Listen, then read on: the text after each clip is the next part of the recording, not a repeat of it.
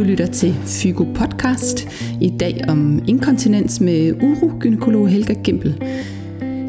Det her omkring inkontinens, det er ikke ligefrem sådan et tema, som kvinder har lettest ved at tale om. Øh, og der er alt for mange, der lever med inkontinens, øh, som vi nok reelt kunne hjælpe øh, et langt stykke hen ad vejen. Så derfor så er det øh, rigtig fantastisk, at øh, Helga hun vil være med på linjen i dag ugegynekologisk overlæge på Roskilde Sygehus, og så har hun netop været tovholder på den senest opdaterede guideline omkring øh, behandling af overaktiv blære.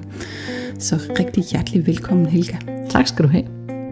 Inkontinens, det rammer øh, 50 procent af, 75, af de 75-årige øh, kvinder, og sådan slag på tasken er nok, at en halv million øh, kvinder her hjemme i Danmark øh, går rundt med, med inkontinens i en eller anden grad. Øh, og jeg har også læst nogle socioøkonomiske analyser på, at bare alene udgifter til bind og syge dagpenge og hjælpemidler løber op i sådan 2 milliarder kroner. Så, så det er jo vidderligt noget, som, øh, som fylder i blandt vores kvinder. Så, øhm, så fortæl mig lidt om, øh, hvorfor du egentlig har kastet dig over at bruge øh, en stor del af dit professionelle liv på, på netop inkontinens.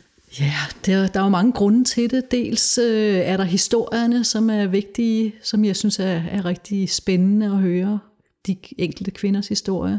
Men dels har jeg også altid været mest grebet af de lidelser, som, som øh, hvad skal man sige, vender den tunge ende nedad, som er nogen, som er svære at have med at gøre, og som, øh, som gør socialt, øh, de, de mennesker socialt handicappede, og øh, som der ikke er så stor øh, bevågenhed omkring, fordi det ikke er en af de smarte sygdomme. Det er dem, jeg mest har beskæftiget mig med i mit liv.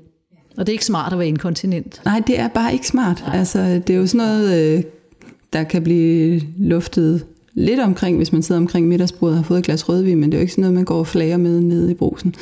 Nej. Hvordan, øh, hvilke kvinder møder du øh, i din hverdag? Hvem gør indtryk på dig? Jamen altså det som, øh, hvad skal man sige, man kan sige om stort set alle de kvinder, som jeg møder som hospitalsansat, det er jo nogen, der har været igennem, øh, eller som har, så har, som har haft problemet i mange år øh, fordi det har taget dem mange år at komme dertil, at sådan behøver livet altså ikke at være.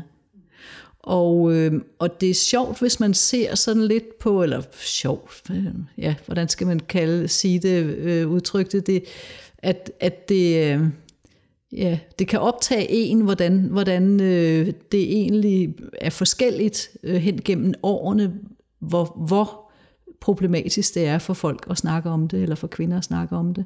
Og det er helt tydeligt, at det er mest øh, det er sværest for de unge kvinder. Fordi, øh, ja, hvis man tager sådan en, en klassisk historie, som, som en, der har født, og hun har altid øh, kunne klare sig, og altid været, øh, været tof og smart, og, og så, kommer man, så får man det første barn, og, og tingene bliver vendt lidt på hovedet, som de gør for langt de fleste af os, når vi får vores første barn. Øh, og så oplever hun pludselig, at hun ikke kan holde på vandet mere. Og i starten, eller øh, det er jo som regel mest lige når man har født, og så får mange styr på det. Og så får hun sit næste barn, og så kan hun slet ikke holde på, på vandet mere. Og det er primært øh, når det er, hun skal lege med børnene, når, når det er, det går øh, løs med at og løbe og hoppe, og, og så efterhånden bliver det også til mindre og mindre ting, hun kan med, hun, at hun, hun kan ikke øh, hoste og nyse, og hun kan ikke øh, have samleje, og hun kan, der er rigtig mange ting, hun ikke kan, øh, uden at der kommer inkontinens.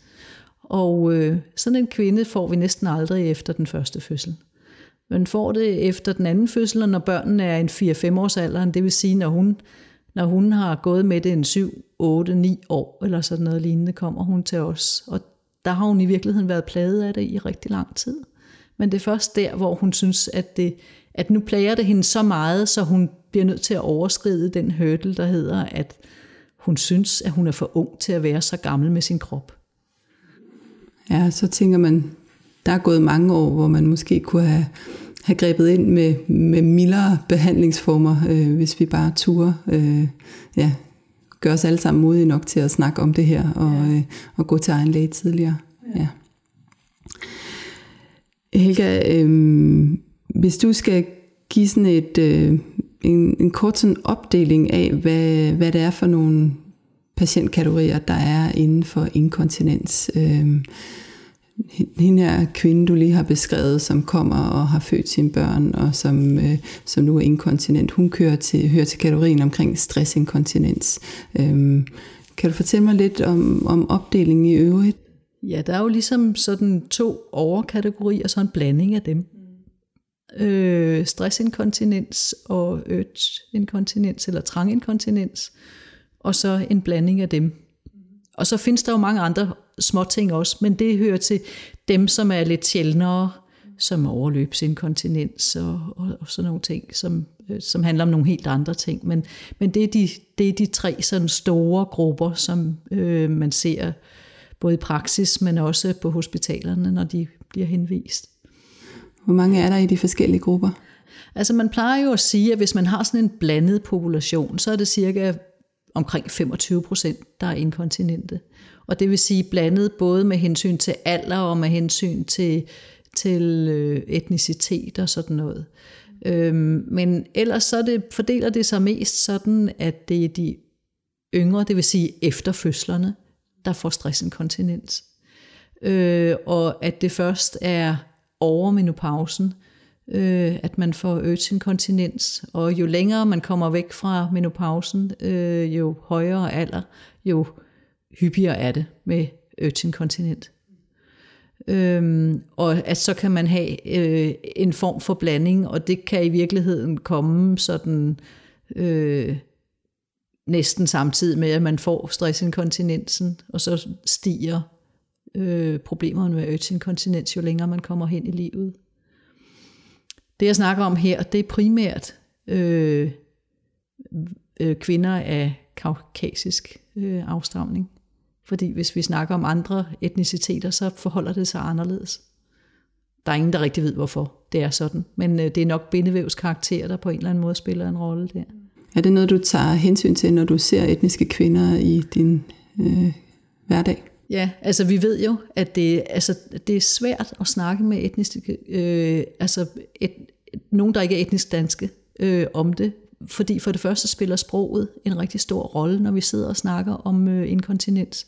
Så hvis de ikke er i stand til at udtrykke sig øh, særlig godt på dansk, øh, og værre endnu, hvis de skal have en tolk med, øh, så, kan, så går der rigtig, rigtig meget tabt af informationer. Øh, omkring inkontinens, og det vil sige, at man sagtens skal komme til at misforstå hinanden. Men det, som jeg øh, altid tænker på, når jeg snakker med dem, det er, at, det, at øh, deres mønster ikke nødvendigvis er sådan som øh, størstedelen af dem, som jeg sidder og behandler. Så jeg tænker over det der med, at, at jeg skal være opmærksom på at spørge ind til, øh, til Urge på et meget tidligere tidspunkt, end, end jeg vil øh, spørge rigtig ind til hos, hos øh, etniske danskere. Okay, så det, præsenterer, det manifesterer sig simpelthen tidligere? Ja, man ved, at, at, øh, at øh, sorte kvinder øh, stort set ikke har stressinkontinens. De får øjetinkontinens i stedet for efter deres fødsler. Ja, det er jo et, et, ja, et andet et mønster. Andet mønster ja, ja. Ja. Så øhm, tilbage til sådan det overordnede helikopterview her på, på inkontinens. Øh, vi har nu fået inddelt øh, grupperne i stress, urge og blandingsinkontinens, øh, og, og du skal til at vurdere den enkelte kvinde. Øh, hvad er det for, for redskaber, du har i din værktøjskasse under din udredning? Øh, væskevandladningsskemaet skal vi i hvert fald omkring. Ja, det er jo nok et af de subspecialer i gynekologien, hvor det er aller, aller, aller vigtigst med en meget fyldig anamnese. Fordi, øh, fordi man kan nemt risikere, at øh, folk kommer ind og fortæller en historie, hvor hvis man så går dem lidt på klingen, så er det så er det nogle andre ting, det i virkeligheden handler om, end det de oprindeligt kommer ind og fortæller, fordi folk ikke nødvendigvis har et sprog omkring det. Øh, og det skal man være opmærksom på. Det er også det, der er lidt spændende ved det, men, men det skal man i hvert fald være opmærksom på, at, at det betyder rigtig meget at spørge ind til, når mener du nu det, eller mener du det, og hvad for nogle situationer. Men det kan man bruge, som du sagde, også væskevandladningsskemaet til. Og det er nok i hvert fald også et af de allervigtigste instrumenter, vi har. Hvor man, øh, altså, hvor man ud fra øh, sådan et 24 timers øh, øh, schema kan se øh, dels selvfølgelig, hvor meget de totalt drikker og tisser, øh, og det er jo, hvad skal man sige, øh, det er jo egentlig øh, vandladningsdelen, der interesserer os allermest, fordi de kan godt drikke meget forskelligt, både meget mindre end de tisser og meget mere end de tisser, men det er jo det, deres vandladning, der ligesom er det centrale i det der. Øhm, og man kan se både totalt, men også hvor mange gange i løbet af dagen de tisser. Man kan få en fornemmelse af, om det er en stressinkontinent eller en, en øtinkontinent kvinde, man sidder med bare alene af, af informationen omkring, hvor store deres vandladninger er, og hvor mange gange de skal ud i løbet af dagen, og også om natten for den sags skyld. Øh, hvor, hvor, hvor problemet egentlig ligger henad, kan man se meget i løbet af, af det der væskevandringsskema. Og man kan bruge det til at snakke med dem om, øh, hvordan deres dagligdag er. Fordi man kan, når man bliver vant til at læse en væskevandringsskema, så kan man sige, jeg kan se sådan og sådan her. Passer det med det, du plejer, og at, at det er det, der er dit problem? Og så kan de sådan fortælle om, hvordan deres dagligdag øh, fungerer på den måde. Så det er sådan et, et samtaleværktøj, og ja. faktisk også et udredningsværktøj ja. dermed. Ikke? Ja. Hvordan øh, derudover, så, så er der forskellige udredningsværktøjer, som også ligger hos, øh, hos de øh, fagpersoner, som vi samarbejder med, hos fyserne eller hos, øh, hos gynsygeplejerskerne. Øh. Der er jo rigtig mange steder, hvor man bruger at lade øh, den største del af udredningen ligge hos sygeplejerskerne.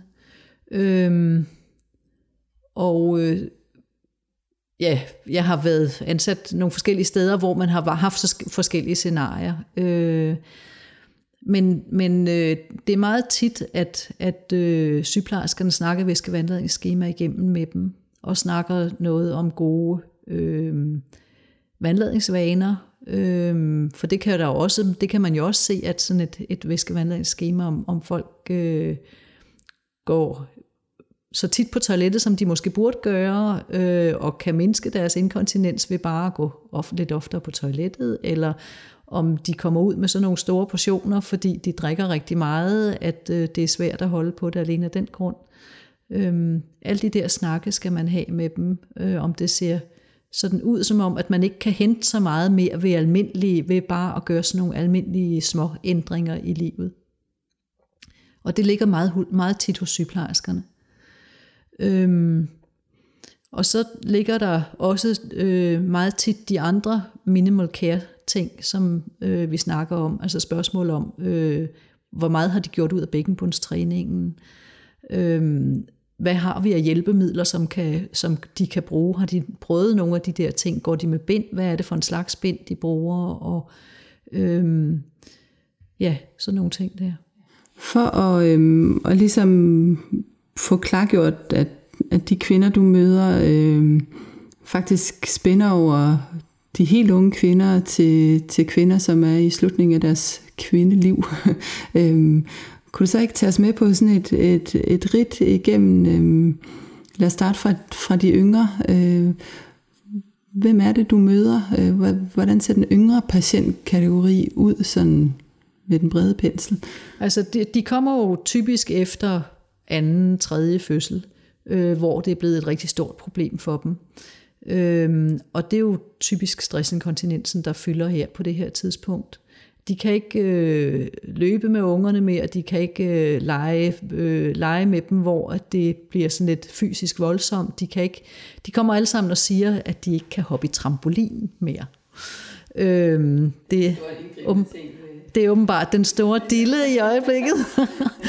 Men øh, øh, i hvert fald, altså de, de, de føler sig øh, handicappet på de der fysiske ting, ikke? som jo også fylder meget, når man er i den alder der, dels med ungerne, og dels med, at man også selv er fysisk aktiv. Øh, de kan ikke øh, gå ud og danse mere, og de kan ikke, øh, hvad hedder det, øh, tage løbeture mere, de kan ikke gå i fitness mere, fordi at øh, øh, de bliver våde langt ned ad benene, og det kan ses udefra. Det er ikke kun sådan noget. Mange af dem kommer og fortæller, at det kan ikke engang tages med et bind. Altså når de løber sig en tur, så er de simpelthen våde over det hele. Hvor mange af dem kommer også til dig og i tale sætter, at det også kan være et problem seksuelt? Ja, det er der jo. Altså, det er der ikke så mange af dem, der siger øh, sådan lige umiddelbart. Øh, der skal man som regel spørge ind til det. Øh, men der er en del af dem, der, øh, der også har det problem, at de øh, ligger i forbindelse med, med samleje. Så stress, øh, stresskategorien fylder her i, i de yngre kvindeår. Ja. Øh, vi har været omkring udredningen allerede, men behandlingen, hvordan råder du øh, de her kvinder til, hvad der er bedst for dem? Ja, man skal jo høre lidt om lige nøjagtigt, hvornår det er. Altså, er det noget, som, som fylder i deres arbejdsliv? Er det noget, der fylder hver eneste dag? Er det noget, der, der fylder øh, sådan, så de kan komme ud for det øh, i situationer, hvor de ikke kan forberede sig på det? Eller er det noget, som de altid ved på forhånd, hvornår kommer? Der er jo nogen, der for eksempel øh, danser folkedans hver torsdag, Øhm, og der, der øh, bruger de bind, fordi øh, der bliver de utætte. Men i løbet af ugen ellers, hvor de sidder på kontor, der er det ikke noget problem overhovedet. Øhm, og hvis det er sådan en kvinde der, så, kunne man, så er det jo nogle hjælpemidler, som man kan bruge til det, som vil være godt. Hun behøver ikke at have en operation, øhm, for, for det vil måske være for meget øh, for hende at få en operation, fordi hun så i de andre situationer, hvor det ikke behøvedes, der ville hvad, mulige bivirkninger øh, komme til at fylde alt for meget for hende. Og nu siger du operation, er det fordi det er langt øh, hen ad vejen af det, øh, som vil være det oplagte til kvinder, der er svært øh, besværet i, i stresskategorien? Ja, det vil det.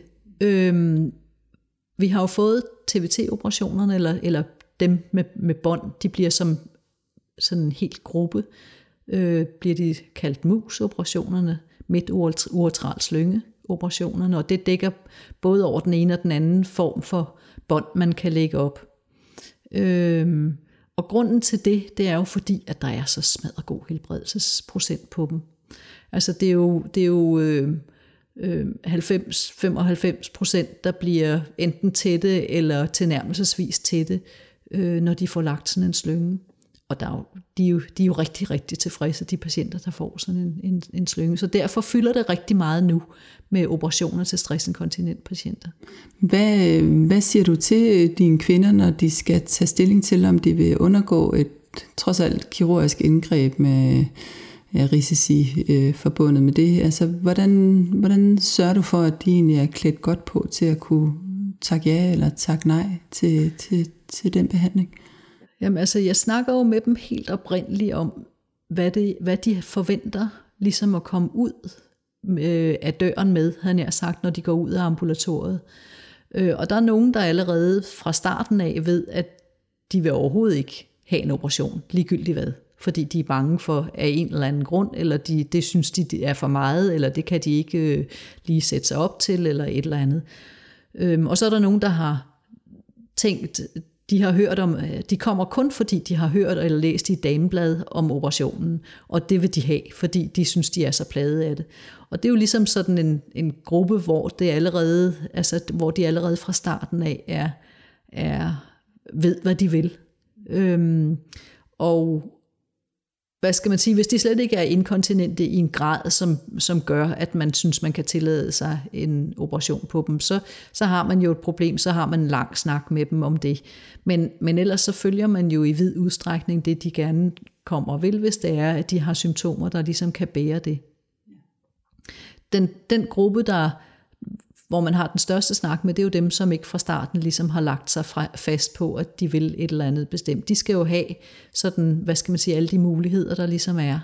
At der er mulighed for, ja, for en tampon eller kontralle, eller hvad man vil kalde det, øh, i skeden, som de kan tage ud og ind, og som er et hjælpemiddel, og de har mulighed for, for en ring, eller de har mulighed for for noget bækkenbundstræning, som er, er, er en ting, som de selv skal gøre noget ved, eller de har mulighed for operationer også. Det her omkring øh, bækkenbundstræning, som jo langt hen ad vejen ligger på hænderne af fysioterapeuter, eller yogainstruktører, eller selvhjælp, eller øhm, Hvordan motiverer du kvinderne for det? Fordi det er jo langt hen ad vejen, både, altså det er jo hele kvindelivet igennem, at det er en rigtig, rigtig god idé at træne vores muskler, også i vores bækkenbund. Hvordan, øh, hvordan slår du et slag for, for lige præcis bækkenbundstræning og giver sådan en kort introduktion til det, når du laver din gynækologiske undersøgelse? Altså jeg plejer jo at, at bruge det i den gynækologiske undersøgelse ved at, at mærke efter, om de overhovedet kan få fat i musklerne. Og der er jo mange, der har trænet og der er mange, der er rigtig gode til det. Der er også nogen, der ikke er så gode til det, fordi de ikke har trænet så tit. Og så er der nogen, der slet ikke kan få fat i deres muskler. Og der snakker man jo om allerede på det tidspunkt, om de har gjort noget ved det før, om de har været til en fys før, der har hjulpet dem med det, og øhm, øh, hvad hedder det, hvor meget de går ud af det i deres dagligdag. Og øhm, hvis man ligesom kan fornemme, at, at, øh, at det kunne der måske godt gøres noget mere ud af, øhm, med den snak, man har der, så, altså, så er det jo, de fleste er jo egentlig meget, vil meget gerne noget med at, øh, at gøre deres krop fedt. Øh, og alle, jeg tror ikke, der, det, det, er ikke, det er ikke sådan, at man skal forklare sig meget langt med, at det er en rigtig god ting at have, have gode muskler. Men det er jo ligesom med alle mulige andre steder i kroppen, at øh, jo mere man træner, jo større bliver ens muskler, og øh, jo bedre er man til alt muligt, hvad de, den bækkenbund nu kan. For det er jo ikke kun med hensyn til inkontinens, det er jo også spørgsmål om, om sex og samleje, og det er et spørgsmål om analinkontinens også. Øhm, og, og det behøver man ikke at forklare så meget. Det, det er de fleste meget med på. Øhm, og synes også, at de fleste føler sig også frygtelig flove, hvis det er, at de godt ved, at de måske skulle have trænet lidt mere, og, og at jeg ikke kan mærke så meget, at, så, så de fleste vil gerne, øh, vil gerne gøre noget ved det. Det er ikke det samme som, at de får det, får det gjort. Nej, fordi en ting er den der hensigtserklæring, som man godt kan gå ud af døren med, men en anden ting, det er jo det der med at blive, altså, at blive motiveret til at, at, at, at, træne. Ikke? Hvor mange kan man løfte ud af, af gener med inkontinens? Øh, altså, hvad, hvad for en patientkategori er det rigtig godt at motivere øh, især? Altså, jeg plejer at sige, at dem, som har let inkontinens, let stressinkontinens, de kan blive kontinente bare af, at øh, de træner bækkenbunden. Øhm, og det er dem, jeg synes, det er helt fantastisk til. Og så plejer jeg at sige også, at dem, som er meget stressinkontinente, de bliver ikke kontinente af bækkenbundstræning, men, men, og jeg plejer at sige til dem, at det, jeg synes, de skulle gøre, det er, at de skulle øh, lade sig operere først, og så blive henvist til bækkenbundstræning bag, øh, bagefter. Fordi jeg synes, det er, bliver så langt et forløb for dem, hvis det er, at de ikke kan... Øh, hvis det er, at de ikke bliver kontinente i, i, i starten. Og jeg synes egentlig, det er en skam for sådan en ung kvinde, at hun skal bruge hele sit, sin ungdom på at være stressinkontinent. Øh, fordi det, der ofte sker, kan vi se på nogle af de der forløb, vi har haft, det er, at hvis de bliver henvist til bækkenbundstræning først, øh, og ikke bliver tætte af det, så bliver de mismodige over det, og så går der nogle år, inden de sådan ligesom kan tage sig sammen til at komme igen og sige, at det var altså ikke nok. Øh, og det vil sige, at der måske går en 4-5 år, hvor de går og er mere og mere og mere og mere, og mere stressinkontinente, selvom de træner deres bækkenbund. Og det synes jeg er synd, at der skal gå alle de år. Øhm, og det er jo langt de fleste af dem i den aldersgruppe, de har jo været øh, unge eller har levet et liv, hvor at, øh, at træning har været noget, de har hørt på, at det er det, man gør. Så det, er jo, det kommer jo ikke som en overraskelse for dem, ligesom at bækkenbunden skal man også træne. De har også gennem deres øh, før fødsel og efterfødselsperiode har de også fået tudet ørerne fulde af bækkenbundstræning, og de har måske så bare ikke lige fået gjort det helt lige så godt, som de burde, men de ved godt, at det er noget, der hjælper. Så man kan sagtens gøre det den vej rundt, og de kommer også til øhm, med den måde, som man gør det i kommunerne på nu, som jeg synes er de fleste steder fungerer rigtig, rigtig fantastisk. Det er nogle gode fyser, de har, og det de gør, det er, at de mærker på dem, og så træner de dem op, eller hjælper de dem, indtil de kan mærke, at nu er de fat i musklerne, og så er det hjem og øve. Og så får de en gang til, hvor de kommer op til fyserne og mærker på dem, og en snak om, hvorfor er det lige, de ikke er kommet videre, end de er. Er det fordi, at de ikke kan, eller er det fordi, de ikke har øvet sig? Og, øh, og når man får de der snakke, øh, så får man også gjort noget ved det. Og det de fleste fortæller om, det er jo, at de, de gør noget ved det, så længe de er i det der træningsforløb. Og så er det ikke altid, det holder bagefter. Det kender vi fra alle mulige andre øh, ja, compliance-sammenhæng, ja, ja. Hvor, hvor, hvor der er langvarig behandling. Ja. Øhm, en, anden, en anden ting, hvor, hvor jeg ved, øh, du også er blevet optaget af at sætte, sætte endnu mere ind, er, øh, er den situation, at langt, langt flere kvinder i dag er overvægtige end tidligere, og vægttab også har en plads i behandlingen af, af stressinkontinens. Vil du fortælle lidt om det? Ja, det er jo en ting, som vi også har gjort lidt ud af i Guideline, fordi øhm, ja, dels er det noget, der ligesom er oppe øh, i tiden med overvægt, og dels er det noget, man bliver nødt til at forholde sig til, fordi så mange er overvægtige, der kommer øh, efterhånden, og, og foruroligende mange i den yngre øh, gruppe. Og man ved simpelthen fra undersøgelser, at både stress og inkontinent øh, kan blive meget mindre og også helt forsvindende af, at man øh, taber sig. Og det behøver ikke at være specielt mange kilo. Altså, øh, der er næsten sådan en dosis-responskurve med hensyn til, hvor mange kilo man taber sig, og hvor godt det, det hjælper på, på ens inkontinens. Og der findes studier, som direkte er blevet designet til ligesom og, at, til at, at måle på den del af det, og som, som viser de der ting. Øhm, og det det er jo sådan en ting, som man også skal snakke med dem om. Øhm, også fordi, hvis man lægger en slynge, og de er tykke, øh, og så de taber sig sidenhen, så er det ikke sikkert, at den slynge holder mere. Så, øh, så man skal snakke med dem om, om, om det ikke lige er nu, at de skal tage og gøre noget ved det.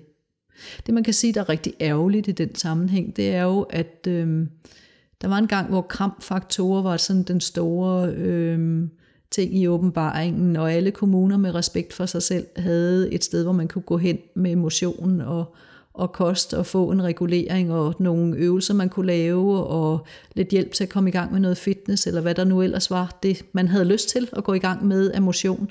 Men det er ligesom blevet sparet væk efterhånden. Så vi har ikke nogen steder, hvor vi kan henvise dem til, som ikke er noget, hvor de skal betale sig fra det. Nu øh, har vi været godt omkring øh, gruppen af, af stressinkontinente. Øh, lad, os, lad os tage sådan et rit øh, lidt, øh, lidt højere op i aldersgruppen øh, blandt kvinder, der er kommet i, i menopause. Øh, de postmenopausale kvinder, hvordan, øh, hvad tegner de for et billede øh, i din klinik? Jamen det er jo, øh, det er jo primært urge, der begynder at komme på det tidspunkt. Der er også nogle af dem, der har stressinkontinens, der først kommer på det tidspunkt, fordi det ligesom, øhm, selvom man ikke kan vise det sådan helt, at, de, at hormoner er en, en faktor, øh, der har betydning i forbindelse med det, så er det i hvert fald det, den kliniske hverdag siger, at, at der sker rigtig meget på det punkt, øh, lige efter, at de er øh, gået i overgangsalderen. Og, øhm, og når, altså når de er sådan slut med overgang, når de er post, reelt postmenopausale, så er der mange af dem, der kan mærke øtinkontinensen komme. Der er jo nogen, der bliver øtinkontinente allerede, når de har været et år uden menstruation. Så kommer den simpelthen. Og de er nødt til, ligesom, der er nogle af dem, der, der simpelthen bliver øh, hormonbehandlet alene af den grund. Øhm, og øh, det hjælper jo så på dem et stykke tid. Men, det, men hvad skal man sige, øh, frekvensen af, af øtinkontinens stiger hen igennem alderen derefter. Hvad er sådan en klassisk væskevandledningsskema for, for sådan en urge-inkontinent øh, kvinde? Jamen det er jo dem, som øh, går ud hver time eller måske mere øh, med små portioner. Ikke? Og øh, mange af dem er også plaget af det om natten, de heldige af dem har det kun om dagen, og de uheldige er også pladet af det om natten, hvor de skal op måske hver anden time, men ofte hver time. Øh, og det betyder en dårlig nattesøvn og en rigtig dårlig spiral at komme ind i. Øh. Du har nogle steder beskrevet det som sådan et, et kontinuum af, af, af, af symptomer, eller altså at, at urge er en, en ret bred kategori øh, egentlig, og derfor også måske den sværeste at, at behandle. Altså stress er lidt mere enkelt at gå til, men, men urge er, er sværere. Ja. Jeg tror, at det der er sådan holdningen på bjerget efterhånden er, at stressinkontinens primært er noget, der kom, som er en, en komplikation til en fødsel. Og, øh, og derfor er det sådan rimeligt håndterbart, hvad man skal gøre ved, ved den gruppe af patienter. Men urge har vi aldrig rigtig fanget øh, naturhistorien bag. Vi har aldrig rigtig forstået det, og vi, og vi, kan, og vi, vi ved det, fordi at øh, vi har jo forskellige behandlingsmodaliteter, og de virker ikke lige godt på alle kvinderne. Og vi kan ikke på forhånd ud fra hverken historien, eller væskevandladningsskemaet, eller hvis det, man begynder at lave systemetrier på dem, øh, kan man ikke se, hvem det er, der vil respondere på hvilken en behandling. Og hvem vi overhovedet ikke kan gøre ret meget for. For dem er der jo desværre også nogle af. Så det vil sige, at du ser dine kvinder over lang tid faktisk, øh, og meget af behandlingen ligger selvfølgelig også i almen praksis, men altså det er kvinder, der har længere forløb øh, i en eller anden forstand. Det, tit er det de kvinder, som vi har dem i et, i et længere forløb, ja. Du har været inde på hormonbehandling, men hvad, hvad har du ellers at, at, at tilbyde? Ja, nogle af de her øh, kvinder, de kommer jo i peroral hormonbehandling, men det er langt fra de fleste. Dem, de fleste af dem, som øh, vi har, øh, kan have startet med en, en lokal hormonbehandling, altså øh, noget lokalt østrogen øh, øh, hos egen læge. Øh, og nogle af dem er også, har også fået, der findes jo ligesom to medicinske, store medicinske grupper, som man kan behandle dem med. Dels de antikulinære øh, medikamenter, som er dem, som vi har længst erfaring med. Øhm, og så, så findes der de nye, nye beta-3-agonister, øh, eller den ene, der findes kun en af dem, øh, som øh, har været her i en kortere periode. Og det, der er sådan lidt demotiverende, det er, at øh, man ved jo, at der ikke er ret mange, der fortsætter behandlingen ud over et år. Og sandsynligheden for, at de ikke fortsætter behandlingen ud over et år, er jo, at den ikke virker særlig godt. Øh, og øh, og det, det, hvad skal man sige, det, ja, det er også det, der er, svært ved behandlingen, fordi allerede når man sætter dem i behandling, ved man godt, at, at, øh, at selvom de måske responderer først, så kan, de, så kan det godt ende med, at de faktisk ikke efter et stykke tid ikke har nogen stor effekt af behandlingen. Når man snakker med patienterne, så kan man ikke altid finde ud af på dem, for nogle af dem har været i behandling, øh, af dem vi får på hospitalerne, har været i behandling tidligere med medicin. Og der kan man ikke altid finde ud af, hvorfor det egentlig var, de holdt op med dem. Og de kan, heller, de kan ikke selv huske det. De kan ikke huske, om det var fordi recepten løb ud, og de troede, at det bare var en kur, eller om det var fordi, at det ikke virkede mere. Men, men summa summarum er, at der ikke er ret mange af dem, der øh, er i behandling efter et år. Hvad med øh, selve øh, ringbehandlingen, altså de vaginale hjælpemidler? Ja, altså man kan sige, at øh, det er jo, hvad skal man sige, det er jo, mange gange er det jo stressinkontinenspatienterne, der rigtig profiterer af de der øh, hjælpemidler. Øhm, man kan godt sagtens prøve det til AIDS-patienterne, og nogle, nogle gange ser man også, det virker. Og et eller andet sted, så kan man jo sige, at eftersom øds egentlig primært bliver opfattet som, at det er en overaktiv blære, en overaktiv blæremuskel, eller en stiv blære, som ligger til grund for den lidelse, så kan man sige, at, at øh, hvorfor er det så lige det virker? Fordi det er jo ikke lukkerapparatet i sig selv. Men det kan man altså godt se alligevel. Og vi prøver det i hvert fald altid på de rigtig gamle patienter, fordi der står vi lidt tit med ryggen mod muren og skal prøve noget, som, hvor man ikke, ikke engang altid kan få dem til at udfylde et væskevandladningsskema, men bare må, må prøve et eller andet ud fra den historie, de ligesom giver en. Og der kan, hvad skal man sige, der kan man jo sige, at, at sådan en ring gør ikke noget skade. Øhm, den kan man lægge op og så se, om den virker, og hvis den ikke virker, kan man tage den ud igen. Du har som sagt lige øh, opdateret, eller faktisk skrevet en helt ny guideline, kan man sige, omkring behandling over aktiv blære sammen med dine kollegaer. Botox-behandling har, har en, en plads her. Vil du sige lidt om, om, omkring det? Ja, altså... Øhm det er jo en behandling, som øh, vi har fået, som ikke er så gammel, hvad skal man sige, sådan som vi laver den nu. Den har været afprøvet tidligere på mange forskellige måder ved, at man lagde Botox op i blæren som sådan en opløsning, som bare lå i blæren, og det virkede ikke. Og så blev man sådan lidt desillusioneret over det, og så gik der nogle år, indtil man øh, fandt ud af, at man kunne øh, injicere det i, øh, under blæreslimhinden, sådan så det virkede på muskulaturen på den måde. Og det det jo gør, det er, at det lammer muskulaturen, ligesom Botox, altså som vi kender det fra, når vi bruger Botox i andre sammenhænge også. Øhm, og det virker rigtig godt.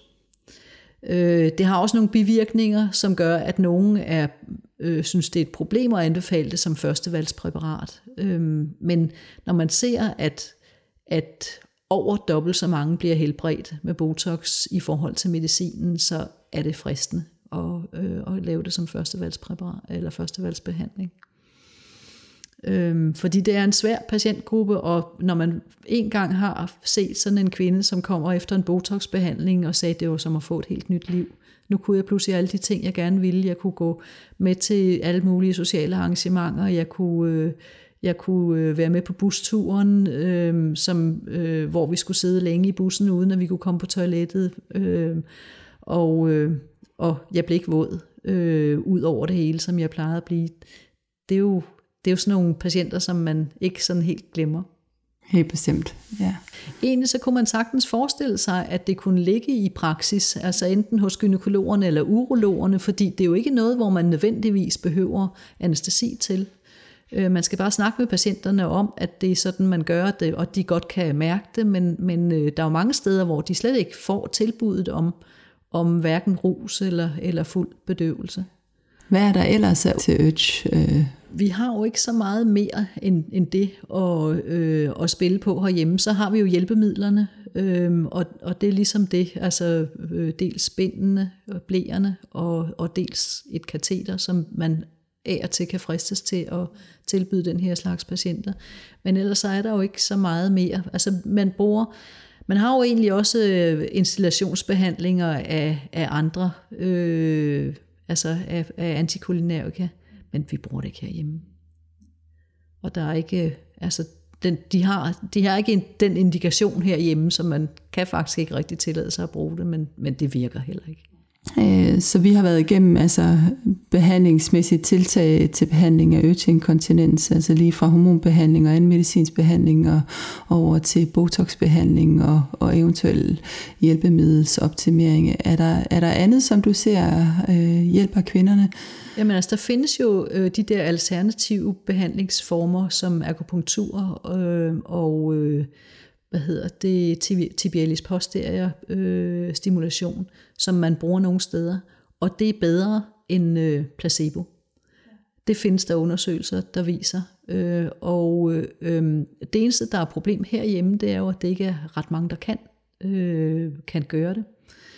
Øh, og en anden ting, det er jo egentlig det samme problem som med, med Botox-behandling, det er, at det, det er gentagende behandlinger. Så man skal ligesom have et, et setup, eller øh, hvad skal man sige, en organisation, som kan øh, fange det der med, at det er patienter, som kommer ind, som bliver ved med at skulle have det, og der kommer flere og flere til, og det bliver, kan nemt blive sådan en, en, en kurve, der går stejlt opad med, at man får mange patienter i løbet af, og som bare bliver ved med at, at, at blive i organisationen.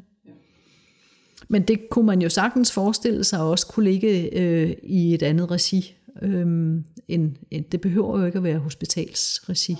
Så til den sidste gruppe af, af kvinder, Helga, øhm, de blandingsinkontinente, øhm, det synes jeg er svært. Det er det jo også, øh, og det er det også fordi, at øh, det er en svær snak at have med patienterne.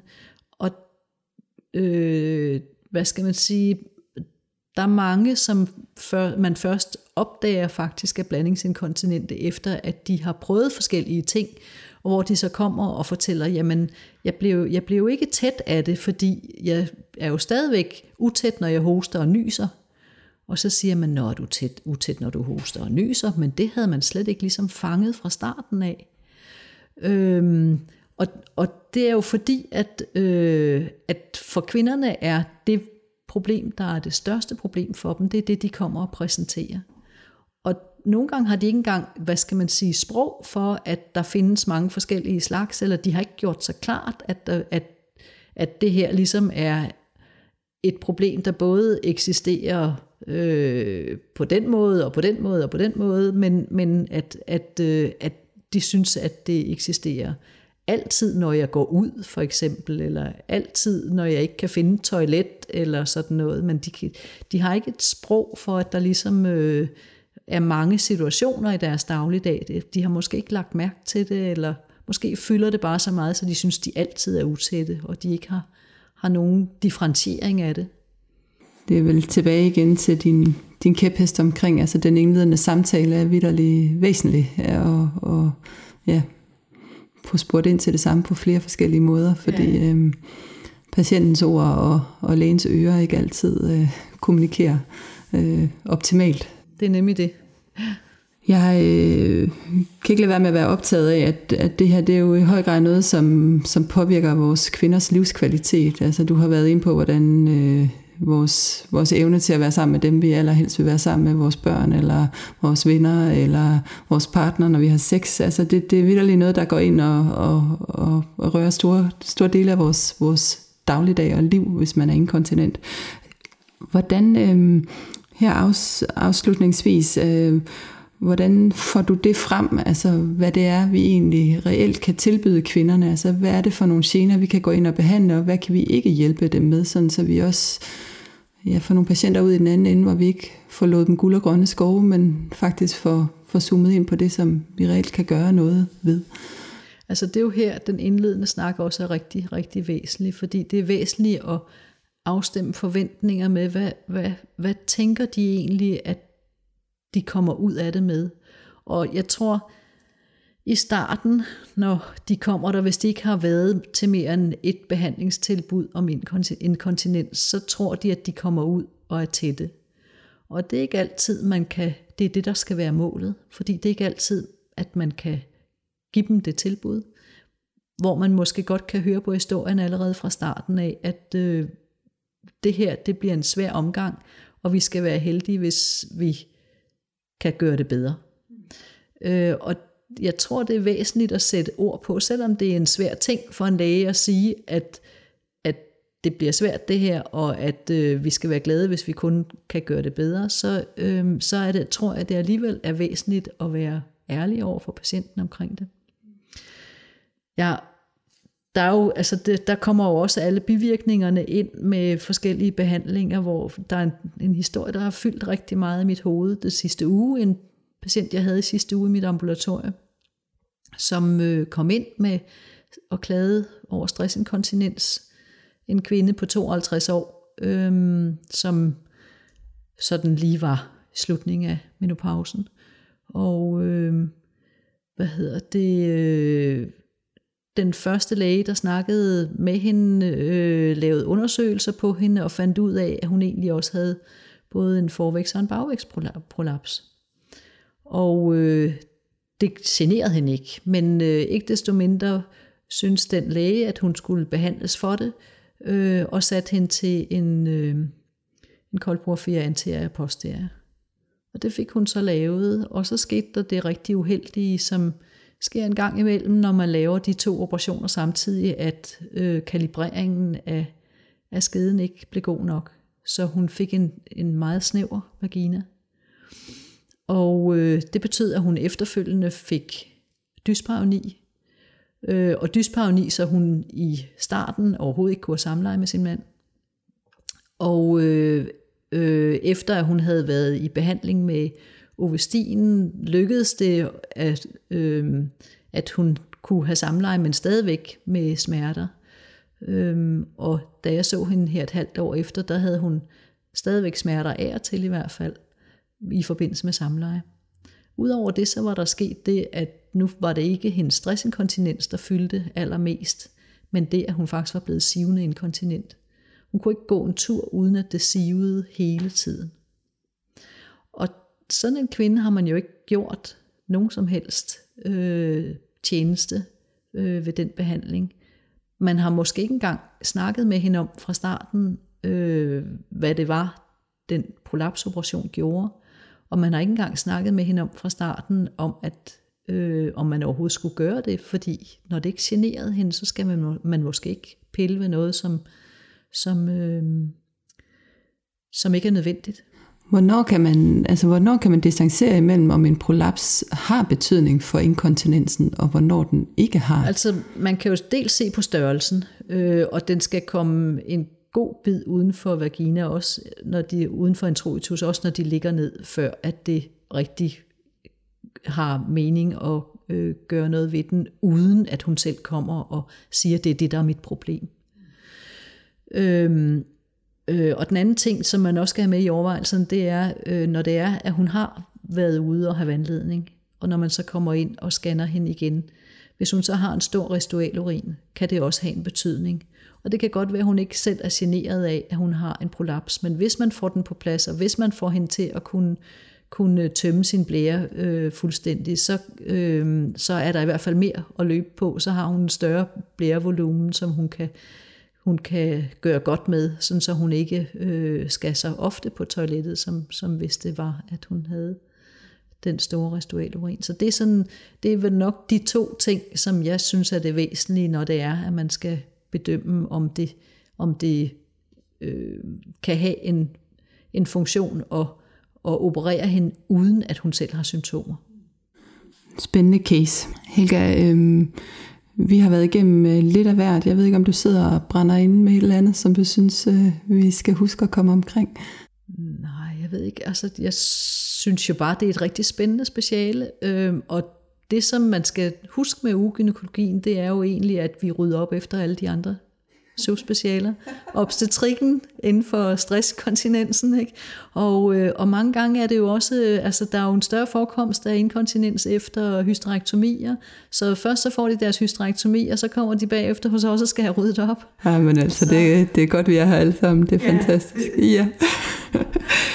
så, øh, så vil jeg gerne øh, sige tusind tak. Øh, du har nemlig lyttet til Fygo Podcast, og øh, vi siger tak til Helga Gimpel, og øh, se eventuelt mere på Dansk Ugynekologisk øh, hjemmeside. Øh, der er også hele tiden forskellige øh, kampagner. Der er Knib Nu, og Inkontinensforeningen har i år øh, lanceret øh, Slå en streg over det. Øh, og som sagt, så er der jo så også øh, den nye opdaterede øh, guideline omkring øh, behandling af overaktiv blære. Så tusind tak, fordi du lyttede med.